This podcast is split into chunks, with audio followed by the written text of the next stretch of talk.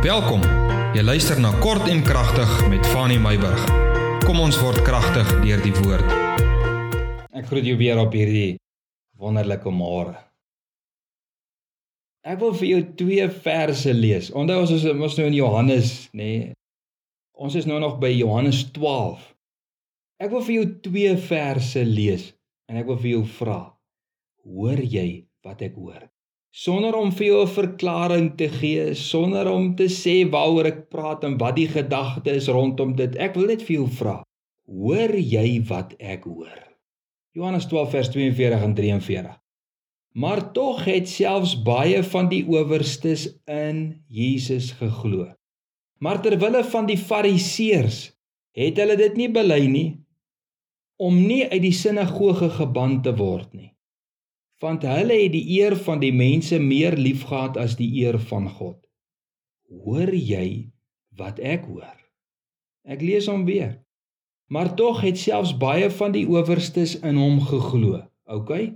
Baie van die owerstes het in Jesus geglo.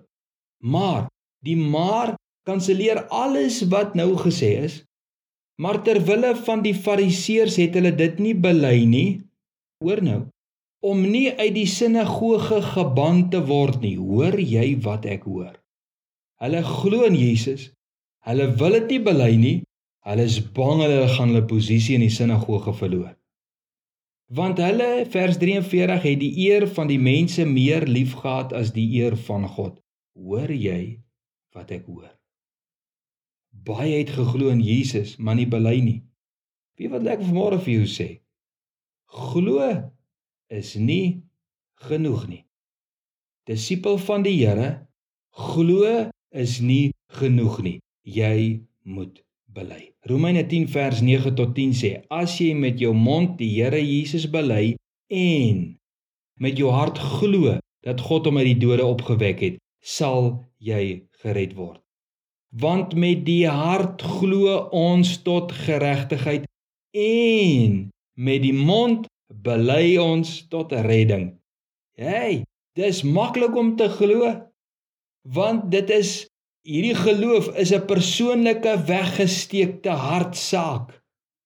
Maar die belydenis maak die oortuiging van die hart bekend. Dit maak die geloof realiteit.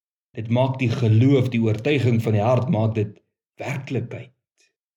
En ek sien nog in vers 43 Vir hierdie ouens is God sekondêr. Die eer van die mense was vir hulle belangriker as die eer van God. Hulle was bang hulle gaan hulle posisies verloor. Dis hoekom hulle die mense meer geëer het. Hulle posisies op aarde was belangriker as hulle posisie in die hemel. Dit klink absurd. Hoor jy wat ek hoor? Ek wil gou vir jou vra.